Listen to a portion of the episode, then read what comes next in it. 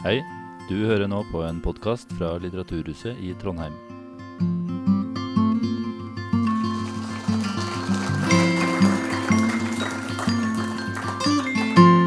Tusen takk for det. Veldig hyggelig å være her. Tatt uh, turen fra Oslo og Askøy forlag helt opp til gammel hjemmebane her i Trondheim. Det er stort å si at det er flere enn meg som har Odd Iversen i hjertet og har møtt opp her for å høre historien om eh, Norges beste spiller gjennom tidene. Otto Ulseth, velkommen. Takk, takk. Det er nå jeg som skal ønske deg velkommen hit til middag, men Veldig bra.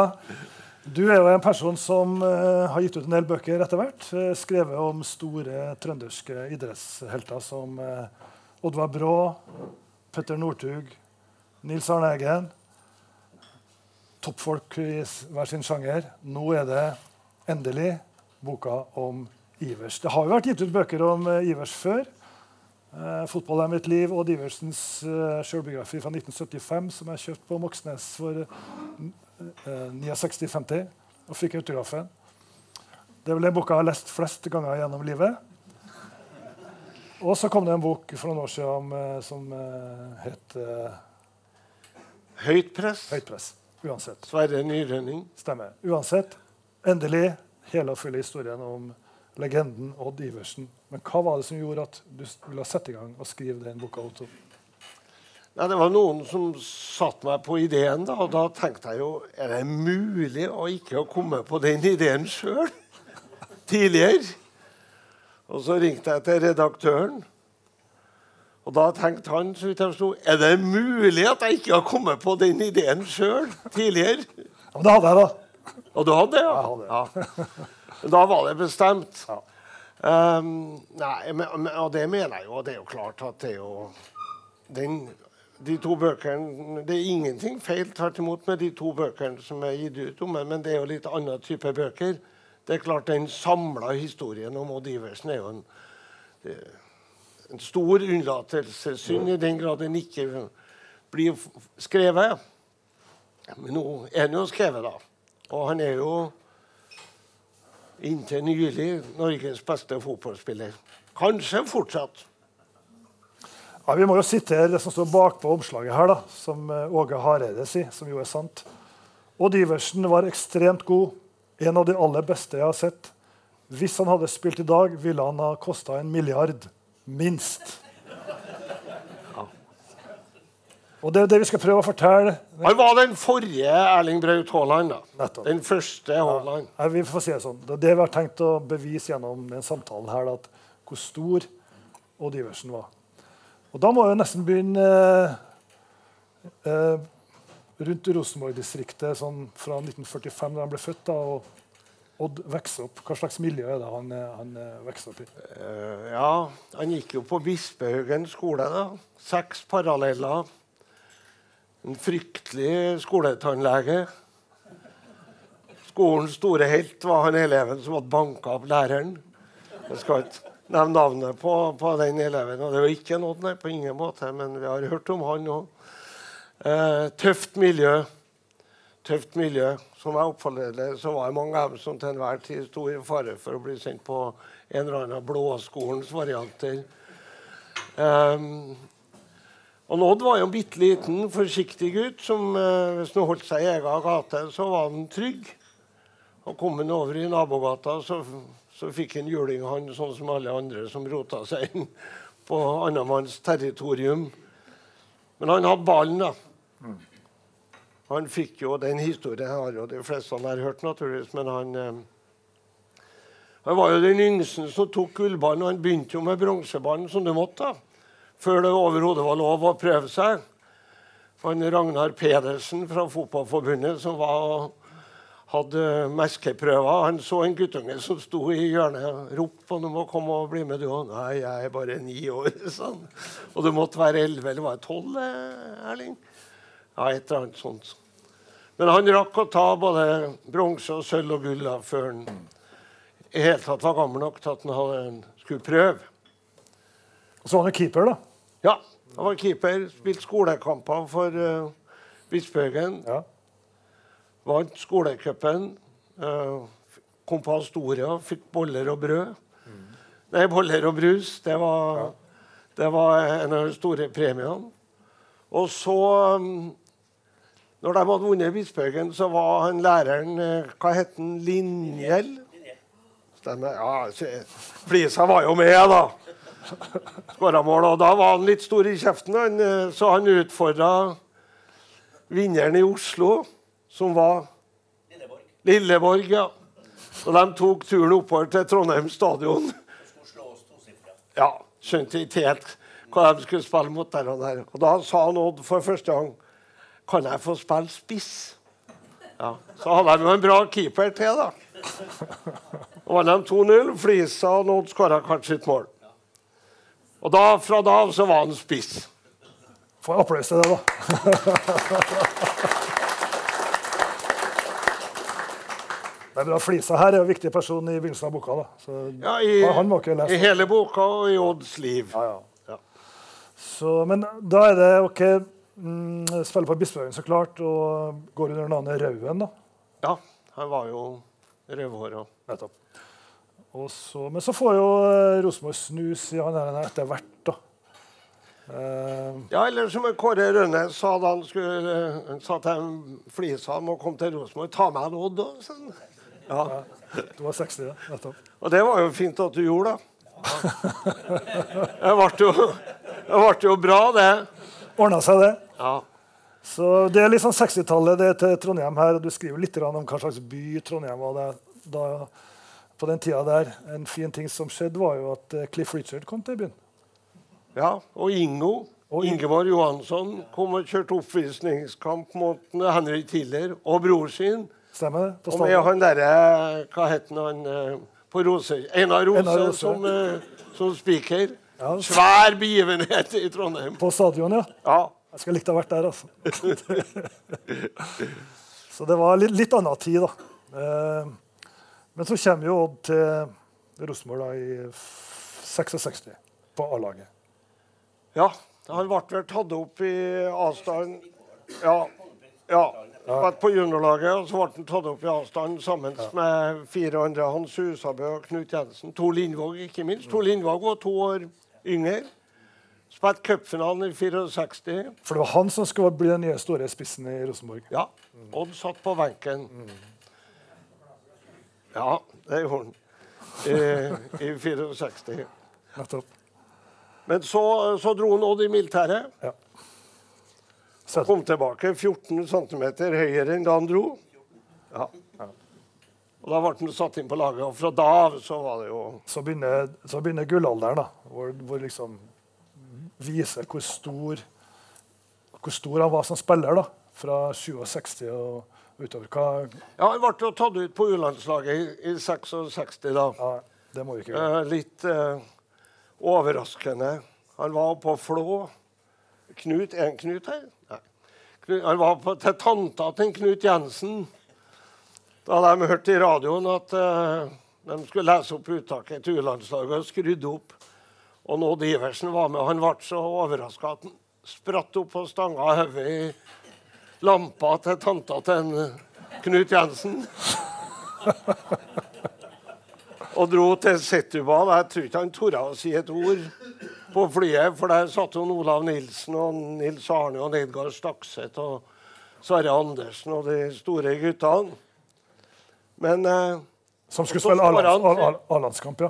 De skulle spille. A-landskamp han spilte mot Portugals A-lag, og Odd skulle spille U-landskamp eh, mot Portugals B-lag. ja, Fortell litt om den kampen. skulle- Ja, her er jo venne, venne, første vendepunktet i karrieren. Ja, eh, helten fra Cityball.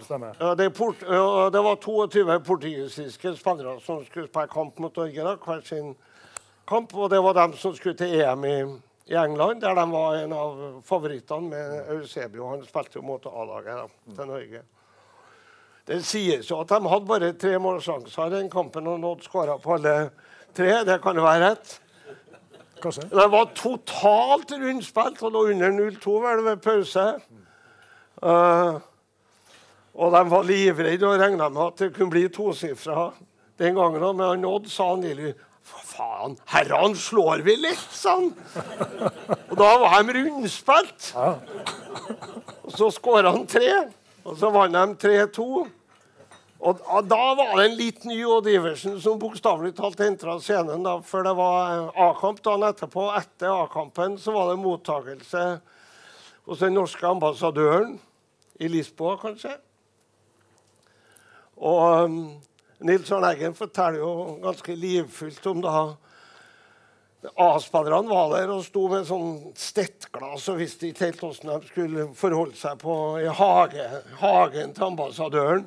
Så kom bussen med norske U-laget, og der ramla Odd Iversen ut som en første gjennom blomsterbedet. Og, som en Nils sa, det var første gang han så den Odd Iversen. Og han var fornøyd med seg sjøl.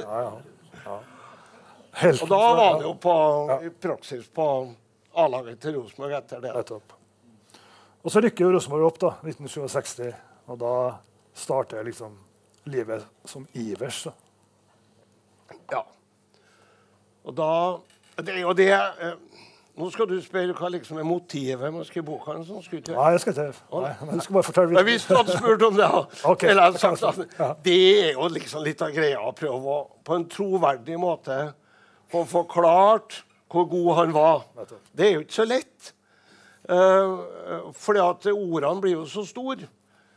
Eh, men hvor god han var da i 67, og særlig 68, 69 og den første sesongen i, Belgia. da.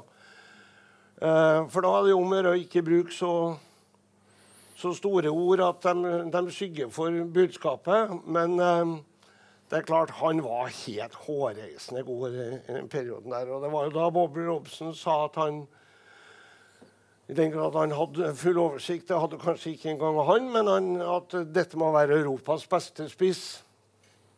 Og det var jo da George Curtis, da han kom før 69-sesongen, da, sa at ja, det var nok noen i engelsk fotball som hadde en like bra venstrefot som Odd Iversen.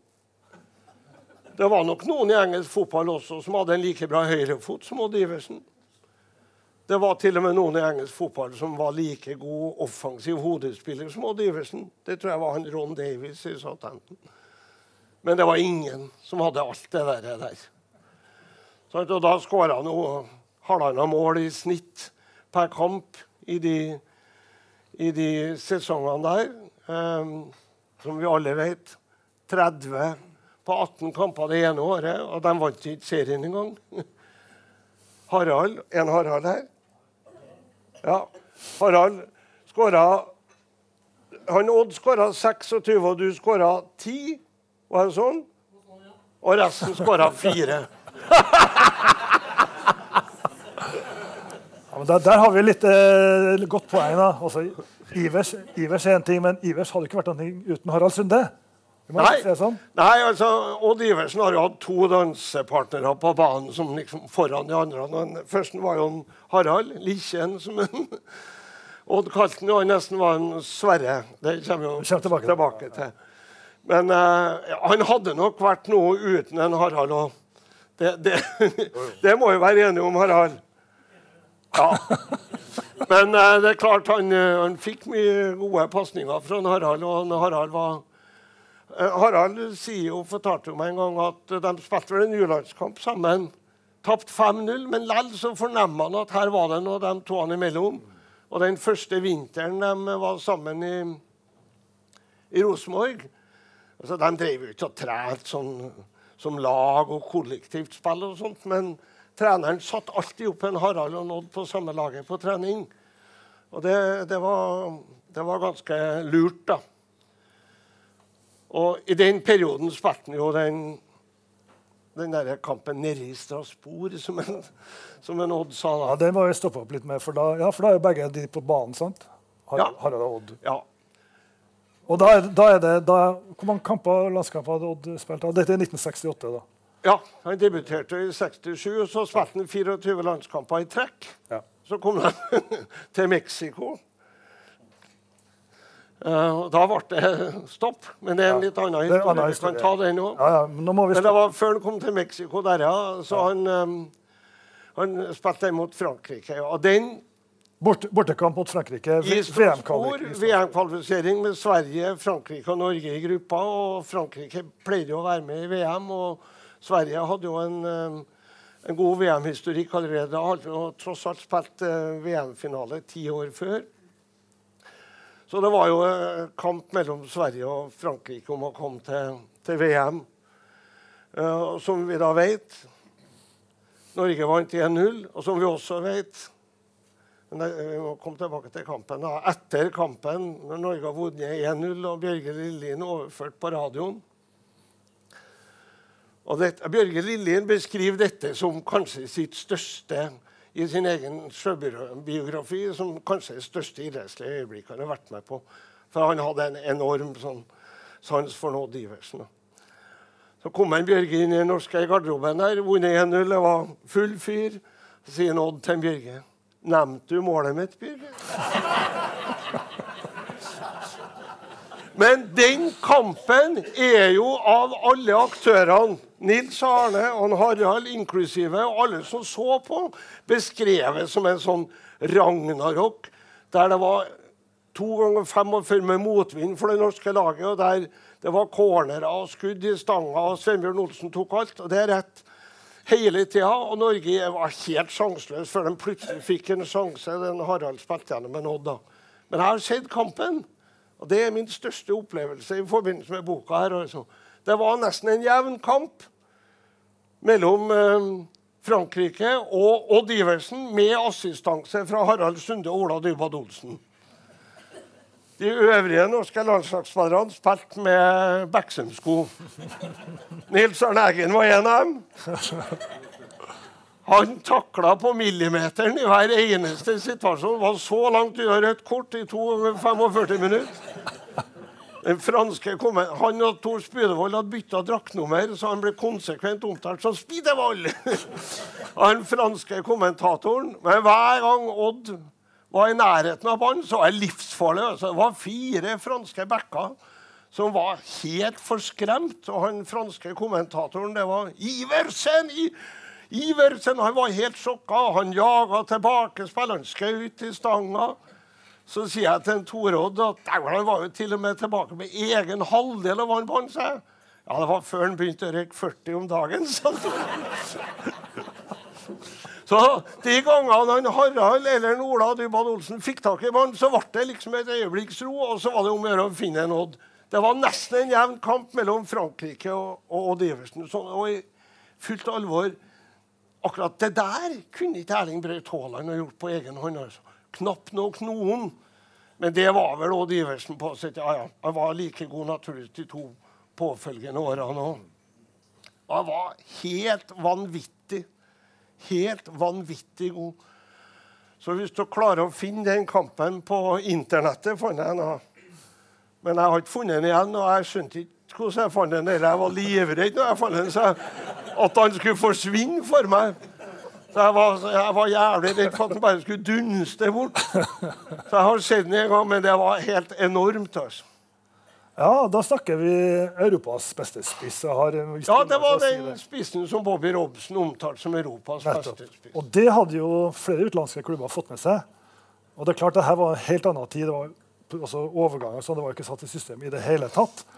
Men vi vet jo at eh, Glasgow Rangers, eller Rangers, som var storklubb på den tida, hadde vært i cupvinnercupfinalen tapt mot Bayern München. Mesterligafinalen.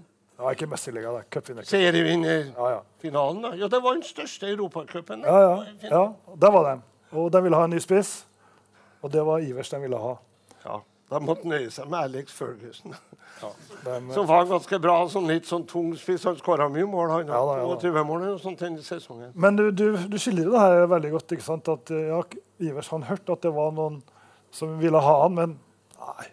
Hva skulle han i Skottland gjøre på egen hånd? Han, Nei, Han var redd for at de snakka engelsk borti her. Eller til og med skotsk. ja, ja. Ja, ja, ja. Ja. Og han hadde snakka litt med Kniksen, og sånt, som bekrefta at de gjorde det. da. og det, det tror jeg han så litt mørkt på. Det kan du vel bekrefte, Flisa? Ja. Nei, så han, nei, han torde ikke å ta spranget, rett og slett. Um, for det er jo litt sånn i fullt alvor. Vi kjenner jo alle den der Brautner, sjøsikre, jeg skårer tre og Diversen. Men det er klart at uh, inni der var det en sånn en som uh, beskrives i boka som en flisa møtte første gangen da han flytta opp i, opp i Rosenborg-området. En eh, ganske forsiktig gutt som eh, ikke hadde ikke hadde mot til å erobre verden, eh, ikke fotball-Europa engang heller. Så det var nok eh, brutalt for ham å tenke tanken på at han skulle, Ja, skulle reise ut. ja. For det var ikke, noe apparat rundt eh, den type si, overganger sånn den gangen. Men eh, det ble jo profffotball etter hvert, da. Eh, men ikke, blant annet, ikke en toppklubb, akkurat. Nei, det var jo ganske artig. vet du. For det var sånn at altså, i Norge så var vi jo prinsipielle motstandere av proffotball. Det var jo nesten kriminelt. sant? Og du fikk jo ikke spille på landslaget. Og Nikken Johansen var jo ute etter alle som hadde tenkt å bli profesjonelle fotballspillere. Og han mente at det var sto i regelverket til internasjonale fotballforbund eller et eller annet at eh, hvis du var ute og fikk reiser påspandert av en proffklubb, da var du å regne som proff. Da var det ferdig. Så da Harald og eh, Odd reiste til Belgia da, eh, sammen med en Willy Ment og Ingen visste hvor de var, og de ville ikke si hvor de var. Men det begynte å gå rykter om at de var, det var vel Standard Liège de trodde de skulle til. Men en Kment tok dem med til, til, til Mechelen. da. Og eh, Harald ringte dem til oppmålingskontoret i Trondheim kommune, der de jobb, ja, de jobba ikke, men de var der. Det er vel rett å si. Du må bare nikke, Harald. Foreldelsesfristen har gått ut for lenge siden. Så han ringte dem en fredag da, og spurte om de kunne få, få fri til mandagen. Ingen visste hvor de var. Eldar hadde hadde kommet en belgisk journalist her til byen før han skulle intervjue Odd Iversen. Um, men ingen visste hvor han var. og Eldar Hansen satte i gang han der belgieren for å prøve å finne ut om de var i Belgia, hvor de var hen i Belgia. Og det viste jo seg at de hadde vært der, da, inkognito. Og, og de, da havna de jo da i den eh, andre klubben i Michelin, da, som heter Racing Michelin. Og der gjorde han jo veldig bra også. Ja, ja, ja. ja. Han var jo han var jo den beste, naturligvis den beste spilleren der og den store stjerna. Og alle de store klubbene ville jo ha han. Um, og dette Jeg fikk jo dokumentert det der, der en gang i, i 1991. Var det vel uh, Rosenborg Sverre, var i dag spilt mot Michelin. Ja, Jean-Marie Paff. Husker det var straffespark på Lerkendal? Ja, det var en som. Ikke, la oss ikke nevne navnet på han. Ja. Verdens beste keeper. Men da, eh, i den forbindelse, så hadde jeg gleden av å reise sammen med Harald og Odd nedover der da. Eh, eh, jeg jobba i Adressa da, og vi skulle lage reportasje. Det var usedvanlig dårlig planlagt fra journalistens side, som var med. Og når Harald og jeg sto på Værnes, så var jeg jævlig spent på om Odd kom fra Gjøvik. Og han kom, og han var rett i ryggen og skjerpa. Og vi, vi dro uanmeldt ut på anlegget til Racing Michelin. da. Kjørte inn på, på baksida i en drosje. Så var det en fyr som så ut gjennom vinduet gjennom ei gardin der, og så var liksom gnikka han på vinduet for to-tre ganger for så om han så rett. Og så kom han springende ned og så at det var Jesus Kristus som hadde kommet tilbake. Og ringte øyeblikkelig. Og i løpet av de neste ti minuttene så kom det sju sånne biler kjørende hardt og fort inn bak anlegget der og bråbremsa kom ut alle sammen. Og det var de sju gjenlevende, hvis jeg husker, fra den elveren. Eh, en, en av dem var kaptein, og Dave Restaurant i byen den, jo, den skulle åpne klokka fem om kvelden. Dette var på formann. Den ble åpna øyeblikkelig, naturligvis, og gjøkalven ble slakta. Og Da husker jeg en Harald sa til meg Og de var jo glad for at en Harald kom tilbake òg. Han Harald var jo da som alltid en veldig vennlig sjel og god fotballspiller. Og svært populær. Men det er klart, det handla en Odd. Og da husker jeg en Harald så på meg så sa han nå skjønner du kanskje hvor stor han Odd var nedi her. Det var helt ellevilt. Altså. Det var en det var utrolig artig å se. altså. Og så gikk de ut på, på banen der i lakksko. Fant en ball. Harald flyt flirte litt og gikk ut på høyrevingen. Han skulle egentlig ikke spille ving, men han så ut som en ving. Men han slo et innlegg. Odd i lakksko inni 16-meteren der kasta seg rundt, naturligvis, med ryggen mot mål og skøyt i tverrliggeren. Husker du, Harald? det var helt det er stort. det er stort. Og så skjer jo en ting, da. fordi da var jo eh, racing på oppvisningsturné i Norge. Spilt mot eh, forskjellige norske lag. Og de spiller mot Start. Og da skjer det som er et litt trist vendepunkt i karrieren til Iversen. Ja, og de har vært for lite påakta. Altså. Det er før og etter den kampen mot Start. Og Odd, Jeg har sittet og sett på noen timer som en Odd har fortalt om historien sin til TV Risvolland. Og når Odd kommer til den episoden der, så nevner ikke navnet på startspilleren. Skal ikke jeg gjøre heller. Han heter Reidar Flo. Og Odd nevner ikke navnet på det. han sier bare at det var en startspiller som var litt kjent for at han var litt røff. Og så sier han at han kjente med en gang han ble sparka ned da, på vei gjennom at uh, det var noe galt med kneet. Sånn som jeg oppfatta det, så ville det kneet kunne blitt reparert. Men ifølge Odd så ble jo da ja, Han ble jo ikke operert i Norge, og han måtte jo spille litt etter det. Og de var 14 stykker som spilte fem, 14 spillere. Spilte fem kamper på ei drøy uke og sånt i Norge. Alle hadde kommet for sånn Odd og Harald, så han måtte jo på banen. Og ble da ifølge seg sjøl operert av en 90 år gammel belgisk lege med glassøve. Og arbeidsredskapene var kniv og gaffel. Da ble han ødelagt og ble aldri bra igjen. Og da han eh, halvannet år etterpå da hadde han reist tilbake til Belgia for å å spille noen kamper for det var noen omlegging av, av ligaen der som gjorde at var, de var i fare for å ryke ut av proffligaen. Så de henta han over hadde plaga han til å spille noen kamper, og han bidro jo til at de berga plassen. Men da etter halvannet år etter det kom seg til den belgiske landslagslegen da Norge spilte landskamp mot Belgia på Ullevål, så konstaterte han at du er 75% frisk og blir aldri mer enn det. Da spilte han ti år i norsk eh, toppfotball som 75% frisk, og eh, deriblant en del landskamper. Men det er klart det var en, det var en helt annen Odd Iversen, og han måtte bli en litt annen spiller òg. Fortsatt veldig god, da. Fortsatt uh... Ja, men det var, nok, det var nok en helt annen spiller enn han som hadde holdt på fra 67 til til og med 70-71-sesongen i Belgia. Og har i og for seg noen gode år i, i Rosenborg når han kommer tilbake. Det var i hvert fall gode opplevelser. Ja. Særlig han kom tilbake andre gangen. Men det kommer vi vel tilbake til. vi kommer til det. Ja. Eh, og så Jeg jeg sier som en Odd sjøl sa, ikke gå så fort frem. This is a ball. Dere har jo hørt den. Eh, ja.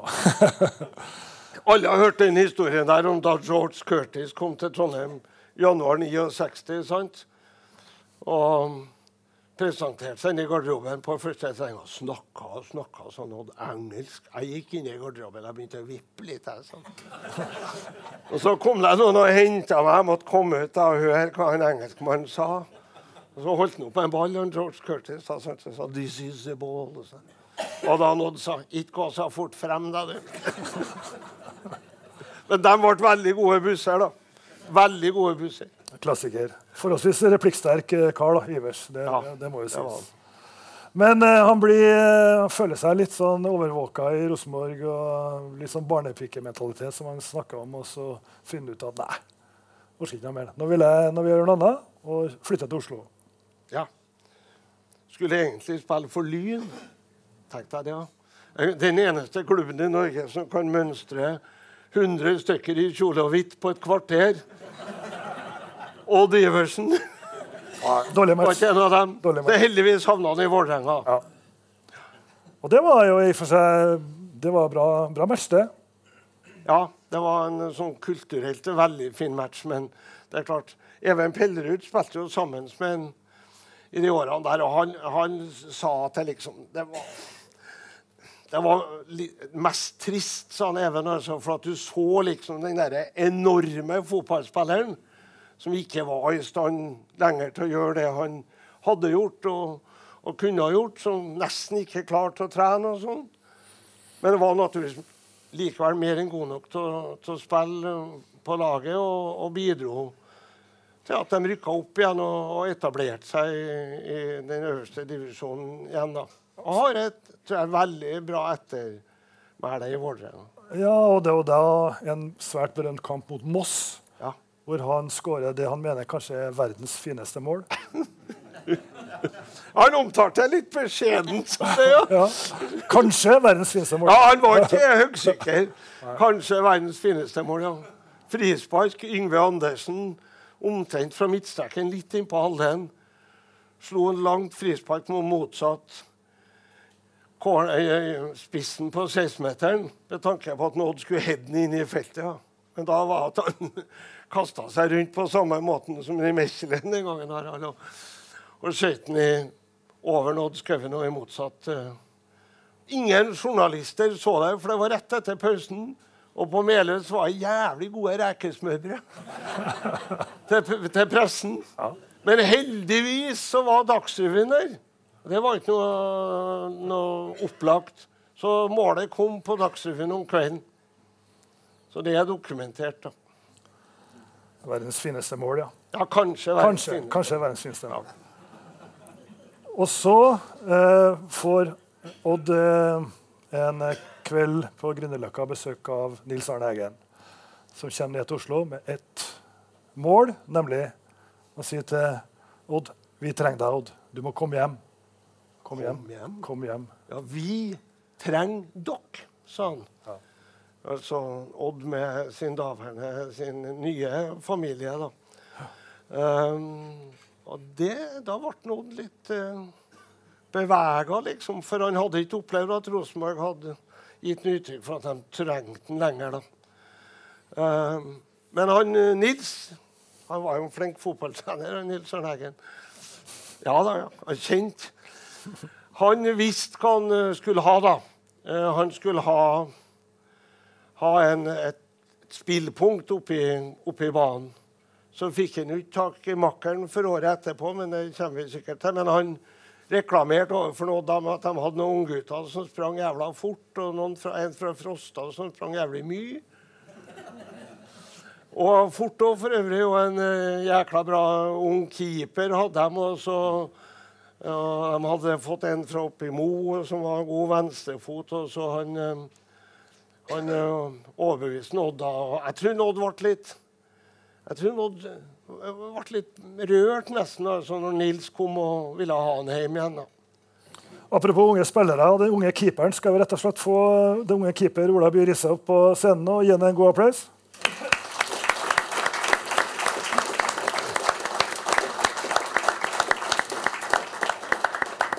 Det er jo flere her som dere har skjønt i salen som har spilt med, med Ivers. Uh, men du har kanskje redda noen skudd som Ivers prøvde å sette bak deg? Ola?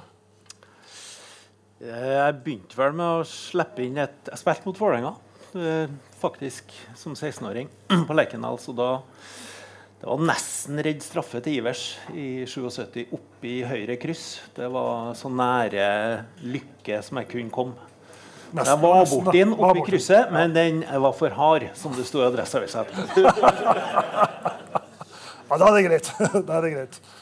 Men hvordan var det å få en sånn legende som jeg allerede var inn i garderoben og inn på laget da du var ung keeper? Og... Det var voldsom respekt. Det, var, det må jeg si. Det var, han var jo uh, Nils var veldig flink til å behandle en uh, Odd med ærefrykt. Det begynte jo egentlig med at eh, han skulle hentes hjem, og da måtte man ha noe penger. Ja. Og da var det folk som eh, bidro sterkt der og tromma sammen. Arve Tellefsen selvfølgelig skulle spille. Og så hadde det seg sånn at Øyvind Husbø jeg drev og fuska litt med gitar og sang. Så vi skulle også opptre i Frimurlosjen. Si Da var vi rimelig spent, men det gikk, det gikk fint. Så vi kunne si etterpå at vi var med og henta hjem en Odd. Men det var, en, det var en egen sånn aura over en Odd, på, selvfølgelig på godt og vondt. Men eh, jeg opplevde en Odd allerede fra dag én som en som behandla folk faktisk med respekt. Altså han, eh, han kunne være litt sleivkjefta, men han, eh, han hadde en smartness i hvem han retta det mot. Og hvordan, uh, hvor god var han, da, sånn som du så det da du spilte sammen med han?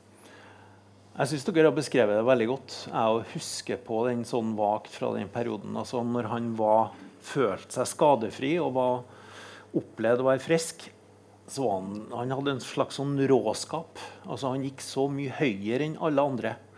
Han hadde, sånn, han hadde et så tungt skudd. Så eh, man kunne jo ikke sprenge på samme måten. Men Nils var flink til å sette den opp i posisjoner.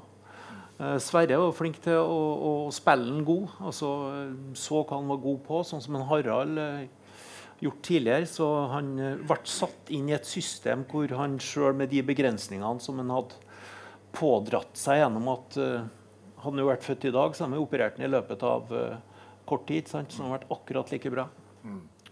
Så um, ut fra de begrensningene som han da hadde, så hadde han allikevel den storheten og den spisskompetansen fortsatt innenfor noen områder. Så han kunne settes opp til å være en, en fryktinngytende spiller som han var for et fullsatt Lerkendal i, tidlig på uh, 80-tallet.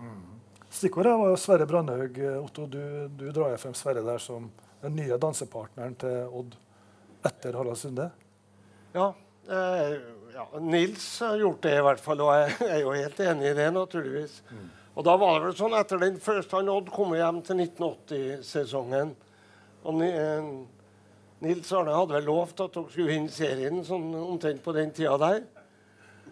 Det var vel 79 var første sesongen etter Nei, 8, ja, 79, 79 var var første. første ja. etter opprykket. Ja. Så, men da, da, liksom, da, den høsten så sa han til Odd liksom, da, Han hadde på en måte en gave til Odd. Da, da. Jeg har en gave til sånn. Jeg skal hente en unggutt fra Strindheim. Og Odd visste hvem det var. Det var den nye Harald Sunde. da. Og det, det ble det jo.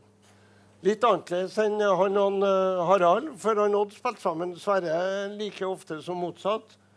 Men det var, de dansa godt sammen, ja. De to han òg. Begynnelsen av 80-tallet, 1981, er jo eh, fortsatt, vi er jo fortsatt det, det stinger hjertet når vi tenker på 81-sesongen, som var så bra. Men alt ble ødelagt med bortekampen mot uh, Vålerenga. Ola, du må, du, må, du må trøste oss litt nå. Eh, men hva var det som skjedde egentlig? Nå sitter jo både en Øystein baki her og flere som har eh, ferske erfaringer fra den. Eh, Øystein var i perlehumør den gangen. Det var vel den kampen Øystein, at du vrengte av deg drakten og slengte den i, i, i bakken på Bislett. Han skulle ikke spille noe mer i, i drakten her. Det, var, det gikk over når du kom inn i garderoben, men da var jo drakten bort, for den var tatt av en, eh, en Tor Breivik, som hadde eh, tatt den som suvenir.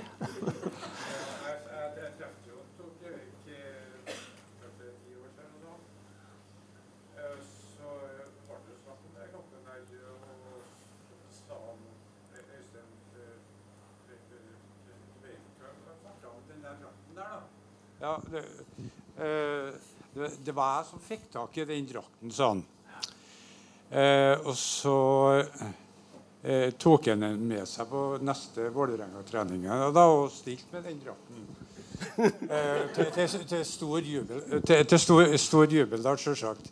Men det som egentlig var den beste delen med historien, da, det var det at i, i familien Brevik eh, eh, i alle år etterpå, når det var fredag og fredagspizza og sånt som det her, da, jeg tror de har tre unger da, så var det sånn at den, når de var ferdig med pizzaen, så var liksom replikken Hvem skal ha på seg Vormdalsskjorta i dag?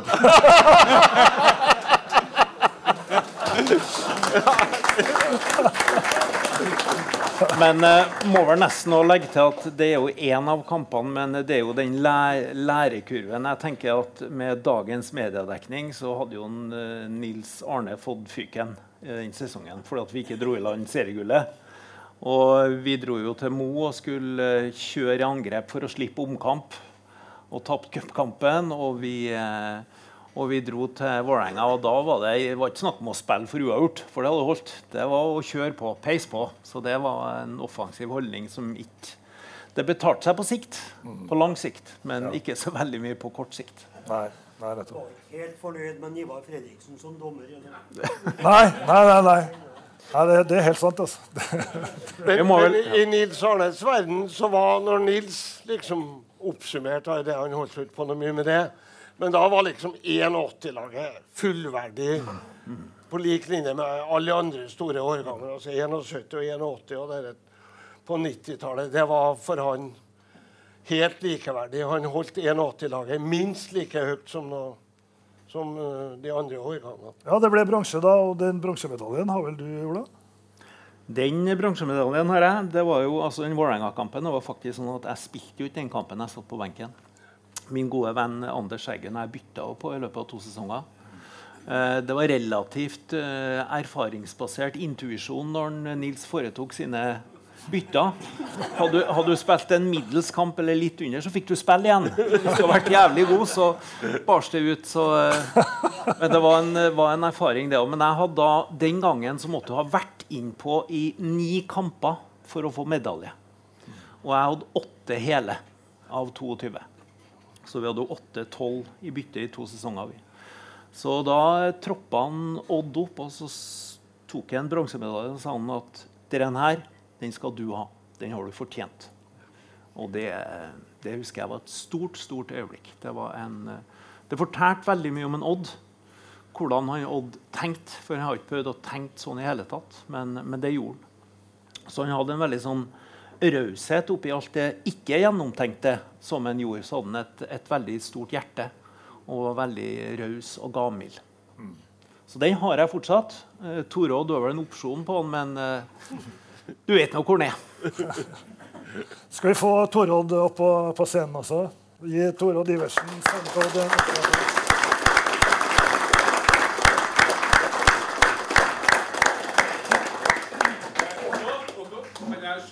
litt Ja, ja. eh, I forhold til 81, den kampen på Bislett, Finn nevner jo Ivar Fredriksen. Det som egentlig skjedde, det at når eh, Nils Arne da henta Odd for å si at vi skal bli seriemestere en gang nå, nærmer seg 50 Det skulle vi jo bli i 81. Og, eh, og den dagen så var det jo sånn at det var to poeng for seier. Og har vi slått Vålerenga på Bislett, så har vi blitt seriemestere. Og det var Ivar Fredriksens skyld at vi ikke ble. For at det ble et innlegg der Øyvind Husby går i duell med en Tom R. Jacobsen. En Tom R. slår ballen ut, samtidig som han slår ned en Øyvind Husby. Og ballen går i due ut til Steinar Nilsen, som tar ballen på direkten rett i mål. Så dømmer Ivar Fredriksen offside på Øyvind Husby. Ja, ja. Og det var siste kampen Ivar Fredriksen dømt. ja, ja. Nei, forferdelig. Det, nei. Det, er, eh, det er håpløst. Du må ikke du utsette Øystein Vormdal for noe mer. Han er hvit i ansiktet. Ah, ja, ok. Ja, jeg kan ikke snakke litt til. Nei, men altså, det, det er noe som eh, eh, Det var, det var et spill mot HamKam på Briskeby. Eh, og det, det tror jeg var eh, Ja, det var den kampen som gjorde at vi vant eh, andredivisjon og vi rykka opp. Så det var eh, Men, eh, men eh, eh, det var uavgjort etter første omgangen. Så husker jeg det at når vi gikk ut fra garderoben, da, så gikk jeg sånn mange av forgangene, så jeg at eh, eh,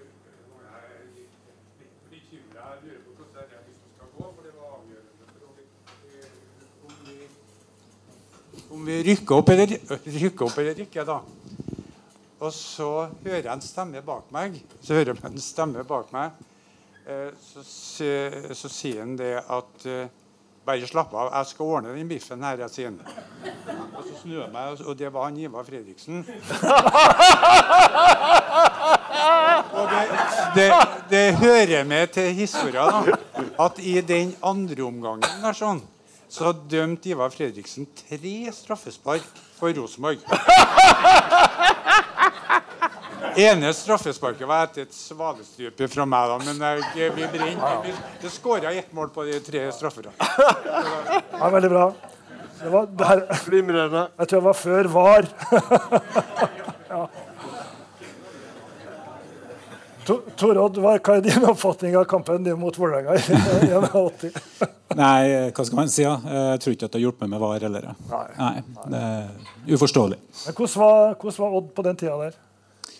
Eh, Han kom jo tilbake til Trondheim. Jeg har jo bodd i Trondheim hele tida. Eh, Han var jo fem-seks år i, i Oslo og kom jo hjem sammen med Bente og Steffen. Eh, Så kom jo Mats og etter hvert også Lotte.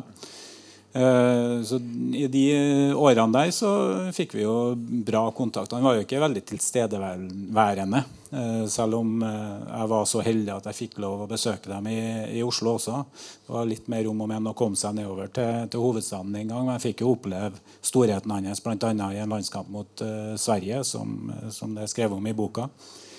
Um, og så I de to årene der, eh, frem til, til testimonialkampen da, i, i 82, så, så hadde vi bra kontakt. Og jeg fikk jo da bli kjent med Ola. Han dro jo med på trening og, og, og litt sånne ting. Så vi, vi satt og prata litt der før, og da kommer det jo opp igjen minner om Ola Birise på Holka bak gamle Lerkendal stadion eh, med hockeybukse eh, for å overleve eh, på, eh, på islagte baner.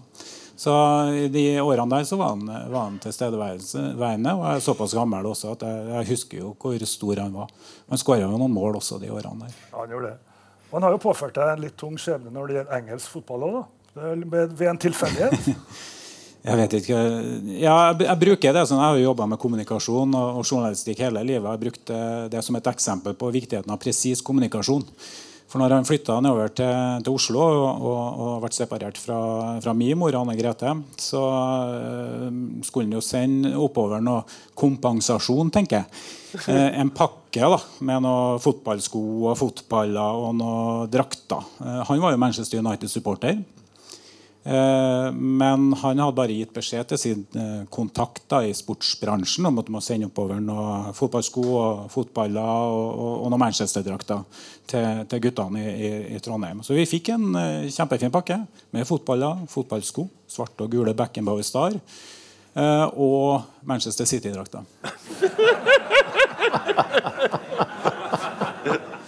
Og du er jo ikke restituert ennå, eller? Nei, nei, nei, jeg er ikke det. Så, så- og jeg sier at Du kan jo bytte kjerring og unger, og alt mulig sånn, men, men, men lag det bytter du ikke. Så Det har blitt City da, fra 1974-75, og har ikke hatt veldig mye å glede meg over inntil 2011. Så, så um, De siste årene har vært greie, og vi begynner ikke å snakke om arabiske eiere og sånne ting. Det, det, det bryr vi oss veldig det- Og så- er jo ve veldig takknemlig, da, for det har jo også ført til at uh, yngstesønnen min uh, han var jo to år i 2011, så det har aldri vært noe spørsmål. Bortsett fra de to årene eller tre årene Zlatan var i United. Da hadde vi problemer. Ikke sant, Theodor? Ja, ok. Greit. Nå begynner karrieren å gå mot slutten. Da. Det er 1982, er siste sesongen han spiller for Rosenborg. Ola. Da er det en, et ordentlig ordentlig punchline Ja. en, for, det, i den sesongen. Det er ordentlig punchline. og Jeg husker jo fortsatt at det var en eh, Nils Baneland med veldig respekt. Brukte den veldig fornuftig. Satte den inn i noen kamper. Han satte den inn hver gang. Enten det var altså, og, og jeg tror egentlig han mente at det ikke var sportslig godt nok begrunna. Jeg husker jeg spurte en gang, og han sa det er Odd Iversen. sa. Men han gjorde det samme på trening, for han la opp treningene sånn at han Odd eh, trente sånn litt sånn tilpassa, som vil si i dag. Men fikk lov til å lykkes, fikk lov til å avslutte, fikk dyrke spisskompetansen. Så er siste seriekampen borte mot Viking. Eh, Viking ble vel seriemestere det året. Eh, og vi var rett og slett rundspilt i første omgang. Jeg ble vel truffet såpass mange ganger tror jeg, at det bare sto 1-0 til pause. Eh, Odd kom inn. Eh, kom han inn før pause? Jo, jeg, lurer på om han kom inn nokså tidlig. I hvert fall eh, like etter at han var kommet inn. Pang! 1-1. Against the run of play, som vi sier i Trøndelag. Og så et stykke ut i andre omgangen, så pang! 2-1 til Rosenborg. Ivers. Og da var han Tore Haugvaldstad, som var keeper på Viking den gangen, da applauderte han åpent for prestasjonen til den da vel 36 år gamle Odd Iversen. Så vi hang nå så vidt med, så det ble 2-2 til slutt. Eh, men det var altså Ivers sin eh, punchline i serien Ligaen i, i Norge. Og det var, det var to helt fremragende mål av en eh, mann som var litt låghalt, og som skulle gi seg, og som hadde mista mye, men han hadde igjen mye. Og når VG da til slutt, når karrieren var over, summerte opp hvor mange mål Ivers hadde skåra som seniorspiller Så herre står på side 173 når dere kommer i boka. Hvor mange mål har Ivers skåra da? Eh, Nei, han, De kommer til 992. Stemmer. Ja. Men han spilte jo i Ranheim etterpå, når det passa sånn. Det gjorde jeg. Ja, og skåra fem mål på fem kamper eller noe sånt. Ja. Det var dumt han ikke tok en to-tre kamper til i Ranheim, da, som han nådde 1000. Samme som Pelé, da. Ja. Ja. Mm. En god sammenligning. Bare skyte inn at Var det noen som huska resultat av kamper, og når målene kom? Om han hadde skåra eller ikke skåra, og hva som skjedde? Han var som et levende leksikon. Han huska alt. Han redegjorde jo altså Han skåra 158 mål i, i norsk eliteserie. Og han hadde jo stålkontroll på hvor mange han skåra med venstre, med høyre og med hodet, og på straffe. Og så var det vel en sånn eh, hva skal vi kalle det, testimonial-kamp Ja. altså, til slutt, helt til slutt, der du noe- fikk klar beskjed. Ja, Det var noe helt nytt. Det var også en, en testimonial for noe. Aldri, altså, I England så hadde de jo testimonial-kamper, men det var helt ukjent i Norge.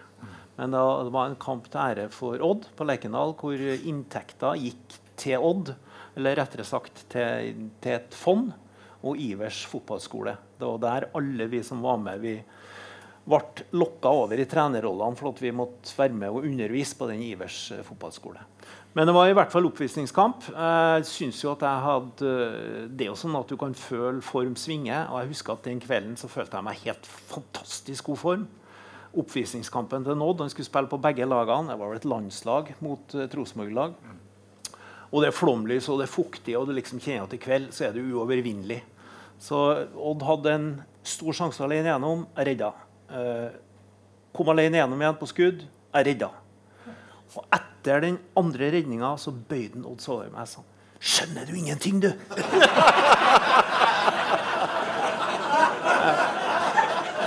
og, og det, men det, det var egentlig utrolig godt sagt. Altså, det var Odd sin kveld. Det var Odd sin oppvisningskamp. Det var ikke min. Eh, og jeg har aldri sluppet inn noe med vilje. Men da Odd skåra ei stund etterpå på en tilsvarende stor sjanse, så er ikke det sikkert at jeg tok ut det aller, aller ytterste. Og, og det, det, har følt, det føltes helt rett. Så det har noen ting også med den, den Det var hans kveld, var det. Bare for å ta det med testimonialkampen. Jeg satt jo i styret den gangen som formann i finanskomiteen.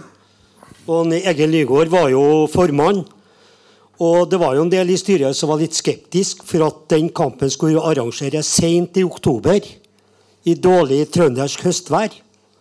Og Odd krevde jo å få plukke ut de spillerne han hadde spilt med, også på landslaget. Tom Lund, bl.a. Svein Kvia. Men til slutt så bestemte vi jo å kjøre kampen. Og det kom 19 000 mennesker i to plussgrader på Lerkendal. Det forteller alt oss. Bra film. Det, det forteller alt.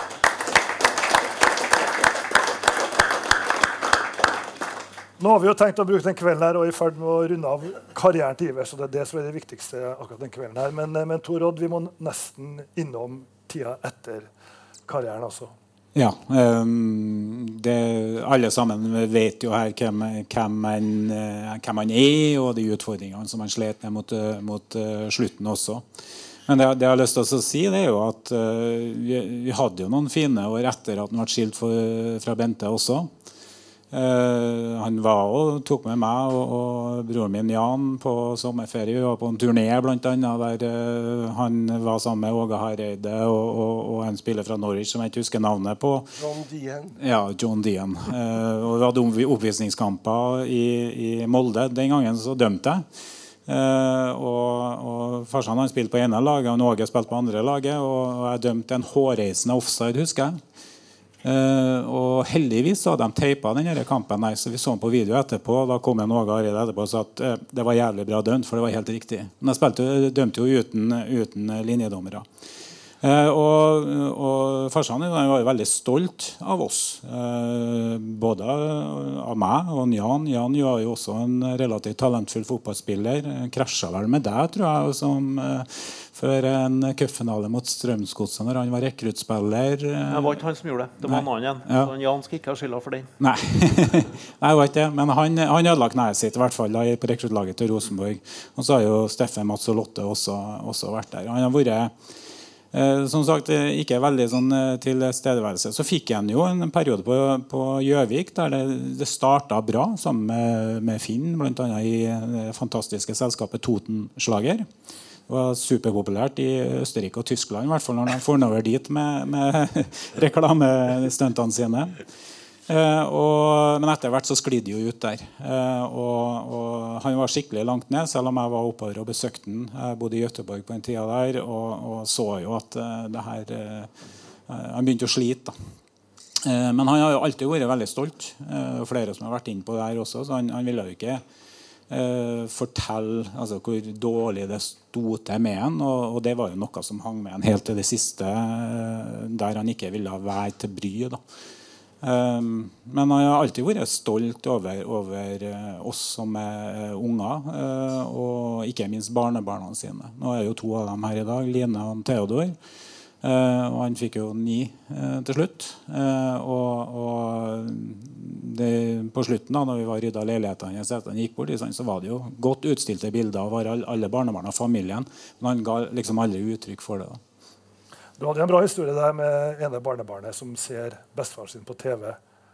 Ja, det, det- var en Theodor eh, sitter og gjemmer seg litt bakom der. Han, eh, Arne Skeie eh, var jo en, en kilde til informasjon i, i boka her også. Han fant fram et timeslangt NRK-program fra 1977 eller der omkring. Der de hadde fulgt uh, Vålerenga, og spesielt farsan og Bente den gangen, uh, gjennom en hel sesong. På treningsleir, eh, på dansegulvet, ved middagsbordet. Ja, med ølen i handa og, og, og røyken i, i munnviken. Både i pauser og i, i, i, garderoben. Og Theodor sier sånn Men um, var det sånn garderoben så ut den gangen? Ja, så sier jeg. Ja, men det, det, det er jo det er jo styggere garderobe enn det vi har. Han er 14 nå, da. Så, så han, men det er den eneste gangen jeg tror at en Theodor, da, som er 14 år, og som veldig mange andre er opptatt av eh, sosiale medier, og sånne ting, har sittet seg ned og sett et helt TV-program uten å se på telefonen. Så, så jeg tror det var litt, eh, litt spennende å se hvordan fotballen var på den, eh, den tida. Ola? Bare lyst til å dele én sånn litt illustrerende eh, historie. Eh, Knut Torbjørn Eggen og jeg vi sitter og leser, vi tar psykologi grunnfag. Så sitter vi og leser bøker, og det var ikke Odd så veldig interessert i. Så han sier at det, er noe, det er ikke noe rart om vi taper kamper. Her sitter en og leser innføring i pysologi, og én leser generell pysologi. Og så gikk han, og så gikk det litt av tid, og så kom det litt seinere hvor jeg satt og leste, og så sier han jaså, Ola, sier han, sitter du her og leser i fysiologien din? Så sa jeg, Odd, hvorfor sier du fysiologi? Så blunka han Odd til meg og sa «Ja, du sier faen ikke pøniks, du heller, sier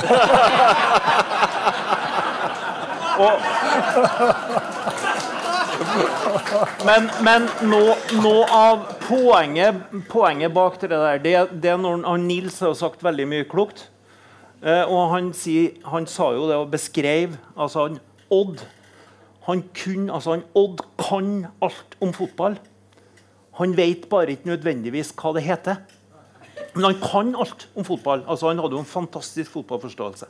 Og så la han til det fins mange av dem som vet hva alt heter, men som egentlig ikke kan noe om fotball. Ta den historien om da han kom tilbake fra Vålerenga. 3. januar eller noe sånt 1980. Så for jeg ut og begynte å skyte da, sånn at bak Lerkendal på grusbanen. Han gjorde han skulle rett ut på treningsbanen på første treninga. Så sier Nils eh, Odd, du må komme inn i garderoben. Vi, vi skal snakke om hvordan vi skal spille i år. Ja, møte, ja, sånn. Det var møte. Og så sier han eh, Odd Skal ikke vi spille 4-3-3? da?» Jo, sier Nils. Det skal vi. Det kan jeg. Da blir jeg ute og venter.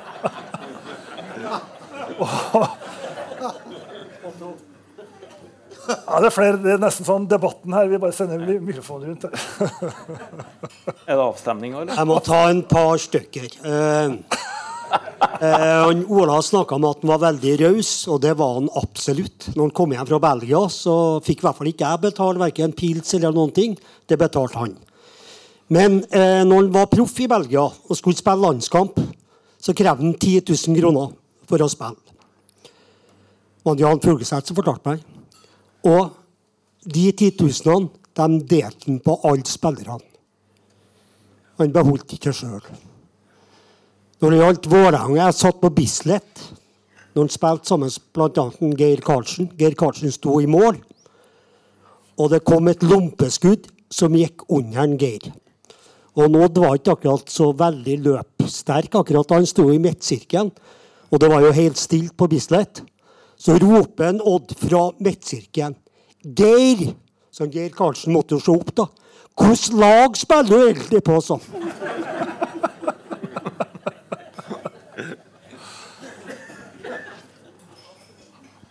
Ja, vel, eh, jeg synes jo det eh, altså Fra familiens side så, så syns jeg det er strålende at Otto eh, tok ballen, og, og, og ikke mannen. Eh, den gangen her, når vi begynte å prate litt om, om Vi prata egentlig om Nils Arne-boka. At jeg syns det var så artig å så lese den biografien. Bl.a. med veldig mye fra barndommen og, og den type ting. og og, og syntes egentlig at, at det var litt tøft da når jeg sa at en sånn biografi det hadde også farsan eh, fortjent. Eh, også fordi at jeg ble veldig godt kjent med mange av, eh, av farsan sine eh, barndomsvenner etter at han gikk bort. Eh, Svein Egil Flisa her er jo en av dem. Eh, også mange andre eh, som kunne fortelle meg historier jeg aldri før har hørt. Og i den eh, perioden etter at han gikk bort, så, så kom jo bl.a. TV Risvollan og, og fortalte meg om et intervju han har gjort. Så i boka her så er det jo masse historier som jeg aldri har hørt eh, om sjøl. Bl.a. om hvordan han, han eh, min farfar, da, som jeg aldri fikk møte for han døde før jeg ble født, trena han opp til å bli bra med venstrefoten. Ved hjelp av ballonger og sand i ballongene.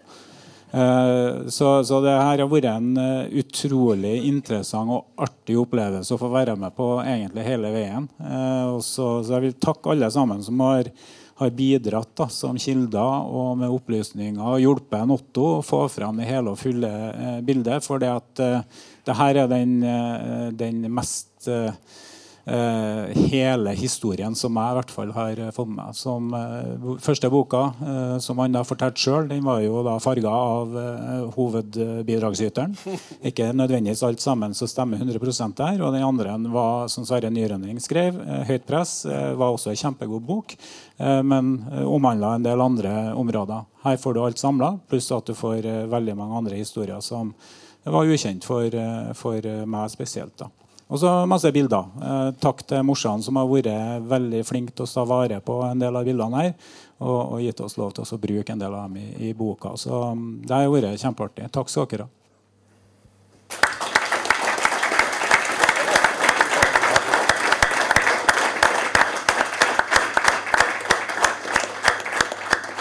Det synes jeg var en, var en fin avrunding og en fin anbefaling også.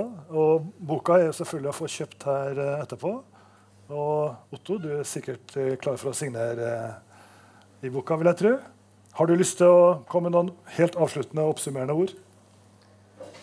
Nei, jeg er jo en stillfaren, mann fra Klæbu som ikke helt vet hva jeg i så fall skal si. Men da eh, er det mulig å stille spørsmål. Er det hvis det er noen som har noen røverhistorier på lur fortsatt, så eh, hjertelig, hjertelig velkommen.